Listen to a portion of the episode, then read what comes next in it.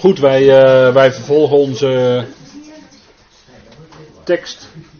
En we hebben het over uh, Galaten 5, vers 17.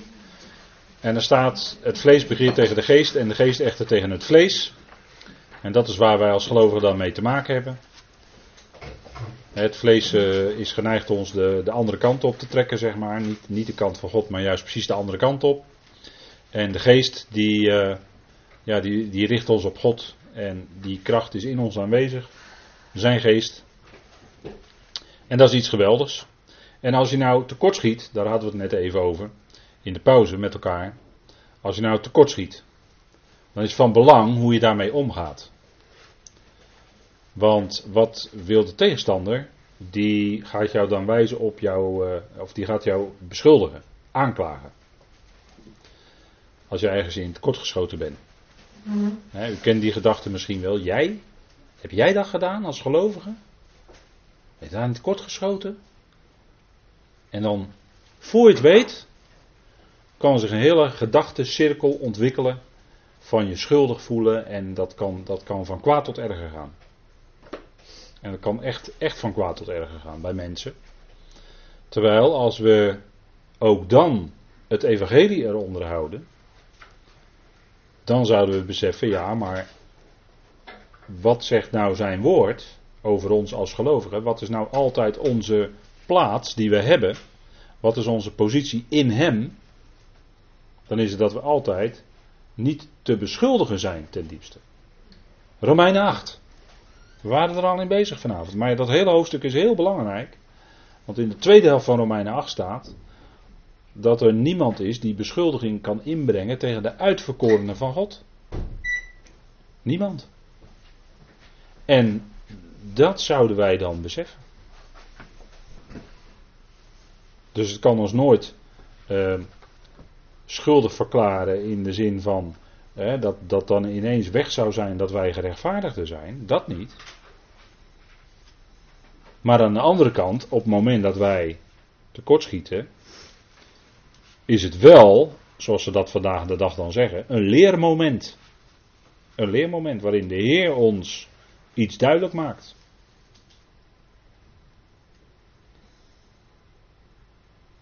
En juist hè, een moment dat wij tekortschieten, momenten dat wij tekortschieten,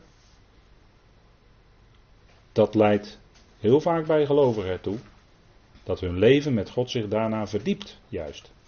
Positieve uitwerking heeft. En dat is niet onmakkelijk aan een zonde voorbij te gaan, of maar, of maar hè, want dan denken dan mensen tegelijk van ja, dat is maar makkelijk. Dat is maar makkelijk. Dat roepen ze ook heel snel als de genade echt gepredikt wordt. Ja, dat is maar makkelijk. Dan kan je je gang maar gaan, zeker. Maar helemaal niet. Helemaal niet. Maar die momenten dat we als gelovigen tekortschieten, we zijn ons dat bewust, dan is dat een moment ook van lering. En vaak leidt het ertoe bij gelovigen dat daarna het leven met God zich verdiept. En dat God dat gebruikt in het leven om daarna in een diepere relatie met Hem, om het zo maar te zeggen, verder te gaan. Dat kan. Zo, zo werkt God dat uit in mensenlevens, in levens van gelovigen. En zo werkt het dan ook uit.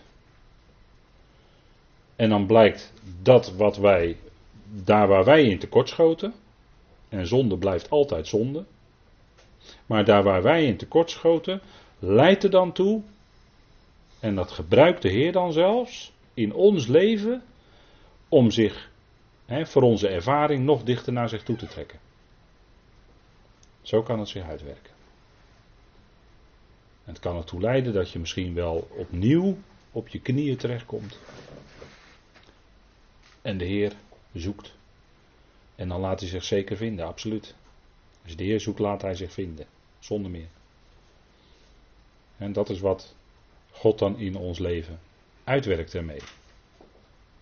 En ten diepste, ten diepste weten wij natuurlijk dat, dat de zonde en zelfs ook het kwaad een functie heeft in Gods plan. Het is de donkere achtergrond waartegen Gods liefde en genade juist zo sterk zichtbaar worden. Kijk, als Adam nooit gezondigd zou hebben, Adam en Eva, als die nooit gezondigd zouden hebben, dan zou er nooit een mogelijkheid zijn geweest voor God om zijn genade te betonen aan de mensheid. En om zijn liefde te laten zien in het kruis waaraan zijn zoon stierf. En hij zijn zoon kon opwekken uit de dood. Zonder zonde en genade was het niet mogelijk. Zonder zonde en kwaad was het niet mogelijk geweest. Dus dat zijn noodzakelijke dingen zelfs in Gods plan. Waardoor hij kan laten zien wie hij is. En uiteindelijk doet hij de zonde weg uit het heelal. Uiteindelijk doet hij het kwaad weg uit het heelal. Om, en die komen dan nooit meer terug. Maar dan hebben ze zijn functie gehad. En zo is het ook in ons leven van, als gelovigen. Dingen als zonde en kwaad hebben dan toch hun functie. Zodat God zich nog dieper kan onthullen, kan openbaren aan jou als mens, als gelovige. En jij nog dieper die liefde en die genade van God gaat waarderen. En dat leidt tot een nog vastere wandel met Hem. Zo kan het uitwerken. Dus God, die gebruikt ook die missers zelfs in ons leven, uiteindelijk, zoals Hij alles gebruikt, ten goede. En dan blijf ik zeggen, zonde blijft zonde, want dat is in de schrift onveranderlijk. Maar we moeten ook kijken wat God daardoor ten diepste uitwerkt. Dat het donkere achtergrond is waartegen. Nou, dat, hè, zo kunnen we naar die dingen kijken. Kijk, Gods genade, die werpt vrucht af, want we hebben het over de Galatenbrief, waarin Paulus zijn evangelie, wat in essentie genade is, verdedigt. En ook deze, dit gedeelte over de wandel, daarvan heb ik aan het begin van de avond gezegd, dat je dat wandelt in de geest, kun je ook wettisch opvatten. Maar zo bedoelt Paulus dat niet, uiteraard. Het is een aanwijzing voor ons als gelovigen wat onze richting is. En genade, dat werpt vrucht af in ons leven, Gods genade. De wet niet. Als de wet wordt opgelegd, leidt het tot verkilling en is in, ten diepste een bediening van de dood. Maar genade, dat past bij het leven, het nieuwe leven in Christus Jezus en past bij de bediening van de geest. Vandaar ook dat Paulus zegt, wandelt in de geest. Hij zegt niet, je moet je vanaf nu gaan houden aan de Torah, dat zegt hij niet. Hij zegt, wandelt in de geest. Ik hoop dat u dat verschil ziet hoor. En dan gaat die wetmatigheid van de geest van God, die is dan werkzaam in ons. Hè? Die wetmatigheid van de geest van het leven in Christus Jezus. En die wetmatigheid is dan sterker dan de wetmatigheid van de zonde en de dood. Dat is wat Paulus ook zegt in Romeinen 8. dat, als, we, als we dat even met elkaar lezen. Romeinen 8, want het heeft hier alles mee te maken.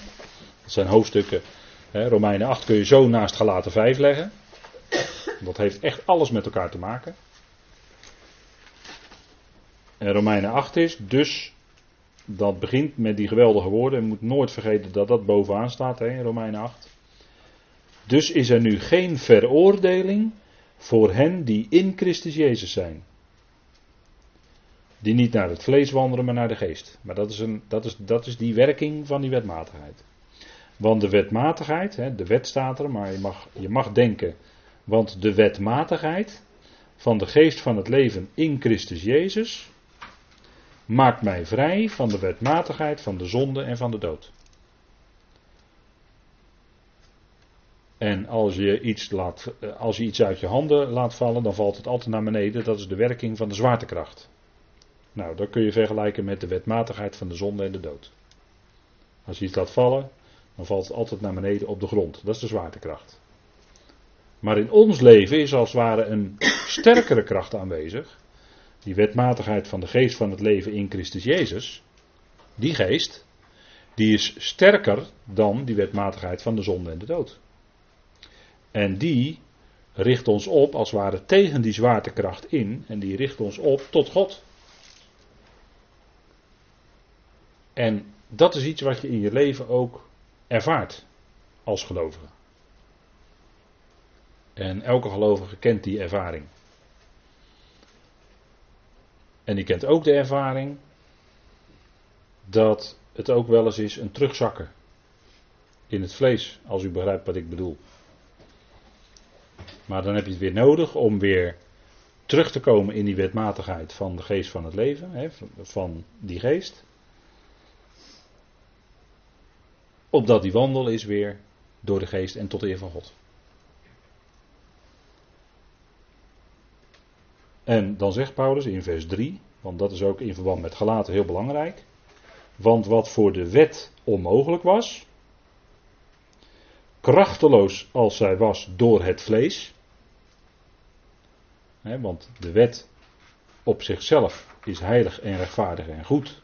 Maar blijkt in de praktijk niet te werken. Waarom niet? Nou, door het vlees. En de zonde in het vlees. Daarom zegt Paulus. Want wat voor de wet onmogelijk was, krachteloos als zij was door het vlees, dat heeft God gedaan. Of dat doet God. Hij heeft namelijk zijn eigen zoon gezonden in de gelijkheid van het vlees van de zonde. Dus hè, Paulus formuleert hij natuurlijk heel nauwkeurig. In de gelijkheid van het vlees van de zonde kwam hij. Hij heeft niet gezondigd, maar hij kwam in de gelijkheid van het vlees van de zonde. En heeft omwille van de zonde de zonde veroordeeld in het vlees. Zijn wandel was vlekkeloos. En daarmee veroordeelde hij de zonde in het vlees. Opdat de rechtvaardige eis van de wet, hè, dat wat de wet ten diepste eist, vervuld zou worden in ons, die niet naar het vlees wandelen, maar naar de geest. En hier heb je gelijk weer die kracht. Hè? Wandelen door de geest, dan vervul je ook automatisch wat de wet ten diepste eist. Maar dan is het niet meer een opgelegde zaak, maar dan is het van binnenuit de kracht van God die het in jou volbrengt. En daarmee voldoe je aan, aan de diepste eis van de wet, namelijk de liefde, de liefhebben. Zie je dat Paulus ook hier op diezelfde dingen wijst? dat wordt vervuld in ons, die niet naar het vlees wandelen, maar naar de geest. We richten ons op de geest, op de kracht van de geest. En die werkt in ons en geeft ons de kracht tot een wandel die tot eer van Hem is. nou, dat is die wetmatigheid, hè? dat is Romeinen 8 ook. Een kostbaar hoofdstuk hoor. En dan zegt Paulus in vers 18 van Galaten 5: Indien jullie echter door de geest geleid worden, zijn jullie niet meer onder de wet. Dat zijn de zonen van God. De zonen van God worden door de geest geleid. He, degenen die door de geest geleid worden, die zijn de zonen van God. Staat in Romeinen 8, vers 14. En, en in, datzelfde, in datzelfde tekstverband zegt Paulus dan dat het niet langer is een geest van slavernij om opnieuw te vrezen. Want dat was de situatie onder de wet. Dat was die geest van slavernij tot vrees. Want van de wet heb je altijd veroordeling te vrezen. Van de wet heb je altijd veroordeling te vrezen. Maar nu is die geest van God, die geest van Christus in ons. En daardoor worden wij geleid. En dan blijkt dat we zonen van God zijn. Wat een wonder. Gewone mensen en door die geest toch zonen van God. Wat een wonder. We zijn hele gewone mensen, we zijn heel nuchter ook over onszelf. We zijn maar hele simpele zielen. Maar toch zonen van God, en dat is het bijzondere. Geleid door de geest van God tot eer van God. En dat is het geheim. Hè? En dan groeit die vrucht. Hè? Ziet hier een plaatje van druiven. Nou, dus van druiventros, dat groeit vanzelf. Aan zo'n rank. Hè? En als die geest in ons vrucht gaat zetten, dan gaat die vrucht eigenlijk vanzelf groeien. Dat doet de geest. En dan ontdek je dat je, terwijl je vroeger een kaartje ongeduld was, dat je nu wat geduldiger bent. En dat je vroeger een, eh, een vlijmscherpe, cynische, veroordelende tong had. En dat nu bij die tong die scherpe kantjes er van allemaal vanaf zijn. En dat je veel milder spreekt over anderen. Waarom? Nou, omdat je jezelf hebt leren kennen. Dat, uh, laten we daar maar eens mee beginnen. Als je een beetje jezelf kent, dan, dan sta je niet meer zo gelijk zo snel met een vingertje naar de ander te wijzen hoor. Maar dat heb je onder de wet ook. Dan, heb je, dan, dan onder de wet kweek je kritische mensen. Dan is het nooit goed. Nooit. Altijd ontbreekt er wat. Dus altijd te weinig. Dan denk ik wel eens van, is het nou ook een keer goed? Zeg nou ook een keer dat het goed is. Dat kan ook. En dat, dat is die milde tong. Dat is wat de geest in ons werkt. Mildheid. He? Goedheid. Nou, kijk maar naar die vrucht van de geest. Nou, als die zichtbaar wordt onder gelovigen, dan ga je ook anders met elkaar om. Dan ga je elkaar niet langer bijten en vereten. En afvangen op uh, futiliteiten. Dan ben je niet meer aan het muggenziften. Ja, dan ben je niet meer bezig met haarkloverijen. Ik zit nog te zoeken naar andere soortgelijke woorden, maar synonieme schieten me niet zo snel meer te binnen. Maar u begrijpt wel wat ik bedoel, denk ik, hè? Maar kijk, dat is wat de geest in ons werkt. Dat is wat de geest in ons werkt. Kijk, en als die vrucht onder gelovigen zichtbaar gaat worden. Oh, dan, dan, dan wordt het ja. Dan zeg je ja, ja. Dan met een hele mooie uitdrukking, de gemeenschap van de heiligen is er dan. Dat is een hele mooie uitdrukking, maar als dat echt ook merkbaar is, dat is, dat is heel fijn. Dat is heel fijn. Dan wil je graag naar een bijeenkomst toe waar Gods woord klinkt. Maar het kan ook ondergelovigen zijn dat je tegenop ziet naar een bijeenkomst te gaan. Dat kan ook, helaas. Soms gebeurt dat wel eens. Nou, het heeft dan met bepaalde dingen te maken. Maar goed, het gaat om die vrucht van de geest. Hè? Nou, het punt is van, je wilt uh, geestelijk mens zijn. Waar laat je dan door leiden? Nou, ik denk door zijn geest, door zijn woord. Daar laat je door leiden. Dat is een goede leidraad hoor. Wat zijn woord zegt en wat de geest zegt, dat is nooit in tegenspraak met dat woord. Hè? En, en er kan nog zo'n geweldige broeder zijn eh, die dan zegt, zo spreekt de Heer. Maar dan, dan krijg ik al de kriebels hoor. Als een broeder met de Bijbel, zicht, Bijbel dicht op zijn lessenaar zegt, zo spreekt de Heer. Dan ben ik al heel gereserveerd gelijk. want we zouden gewoon naspreken wat God zegt. En dat is al moeilijk genoeg hoor. Dat is al moeilijk genoeg in de wirwar van denken. Allerlei wind van leer is er. Dat, dat, zie je ook in kerk en in de evangelische wereld. De ene keer is dit heel belangrijk. De andere keer dat. En dan merk je ook wel eens dat het gewoon eigenlijk, ja, waar gaat het nou om? we hebben een periode gehad in de evangelische wereld, daar ging het om, uh, wat is nou de snelst groeiende evangelische gemeente? Is dat van belang dan of zo? Dat je een jaar later honderd leden meer hebt dan een jaar ervoor. Is dat belangrijk? Het zou meer gaan om, om wat, is, is wat er gebeurt tot opbouw van de gelovigen. Het gaat niet zozeer om dat, dat alles snel moet groeien. Maar het gaat om de opbouw van de gelovigen. De geestelijke opbouw. Ja, en dat daar natuurlijk mensen op afkomen, ja, natuurlijk, dat is logisch. Hè? Echte gelovigen die hebben honger naar het woord. En dan komen ze wel hoor. Dan komen ze wel. Luisteren, steeds weer luisteren. Steeds weer horen naar dat woord, want dat werkt geloof. En als je dat eenmaal te pakken hebt, ja, dan, dan wil je niet anders meer. Maar hoe kan het nou dat je dan 30, 40 jaar met die Bijbel bezig bent? Hoe kan dat nou? Ja, dat is nou het geheim van Gods woord. Hè? Dat blijft altijd geweldig. Dus altijd laat God weer andere dingen zien. Het gaat niet om altijd iets nieuws te hebben. Maar je kan je elke keer weer verblijden over die geweldige waarheid van de genade. En genade, nou, ik raak er nooit op uitgekeken hoor. Ik blijf het geweldig vinden. Genade is iets, dat is iets zo geweldigs. Dat is wat mensen nodig hebben, die boodschap van genade. Het evangelie van de genade. En, en zo willen we ook graag, als we spreken over de wandel van ons als gelovigen, dan staat genade ook bovenaan hoor. Dan kan je natuurlijk gaan zuchten en zuchten van ik doe het niet goed en dit en dat. Nee, genade blijft bovenaan staan. Dat straalt over deze hele gelaten brief en door deze brief heen. en, en als je er echt mee aan de slag gaat, deze gelaten brief, want er wordt soms wel eens wat uh, op een bepaalde manier naar die brief gekeken. Maar ik vind het een geweldige brief hoor. Een enorme rijkdom zit erin. En het laat je echt zien wat de genade van God echt betekent. Voor jou als gelovige in de praktijk.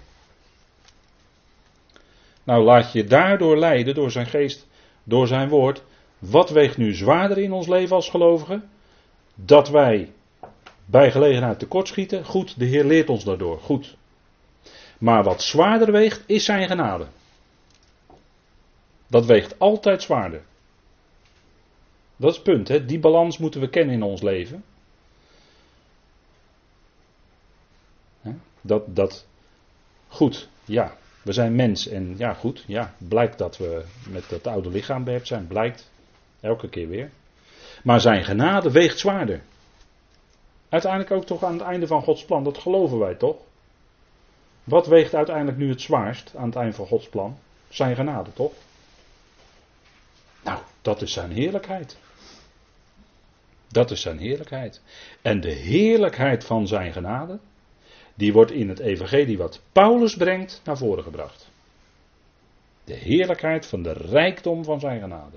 En dat zouden we ook in onze wandel altijd de boventoon laten voeren. En dat daarom, ook als we met elkaar nadenken over onze wandel, is het altijd een nadenken in genade. Dus wij, worden, we gaan niet veroordelend bezig zijn, maar genadig bezig zijn. Nou goed, dat was het dan uh, voor deze avond. Ik wilde hiermee dan afsluiten. En dan gaan we de volgende keer weer verder in Galaten 5.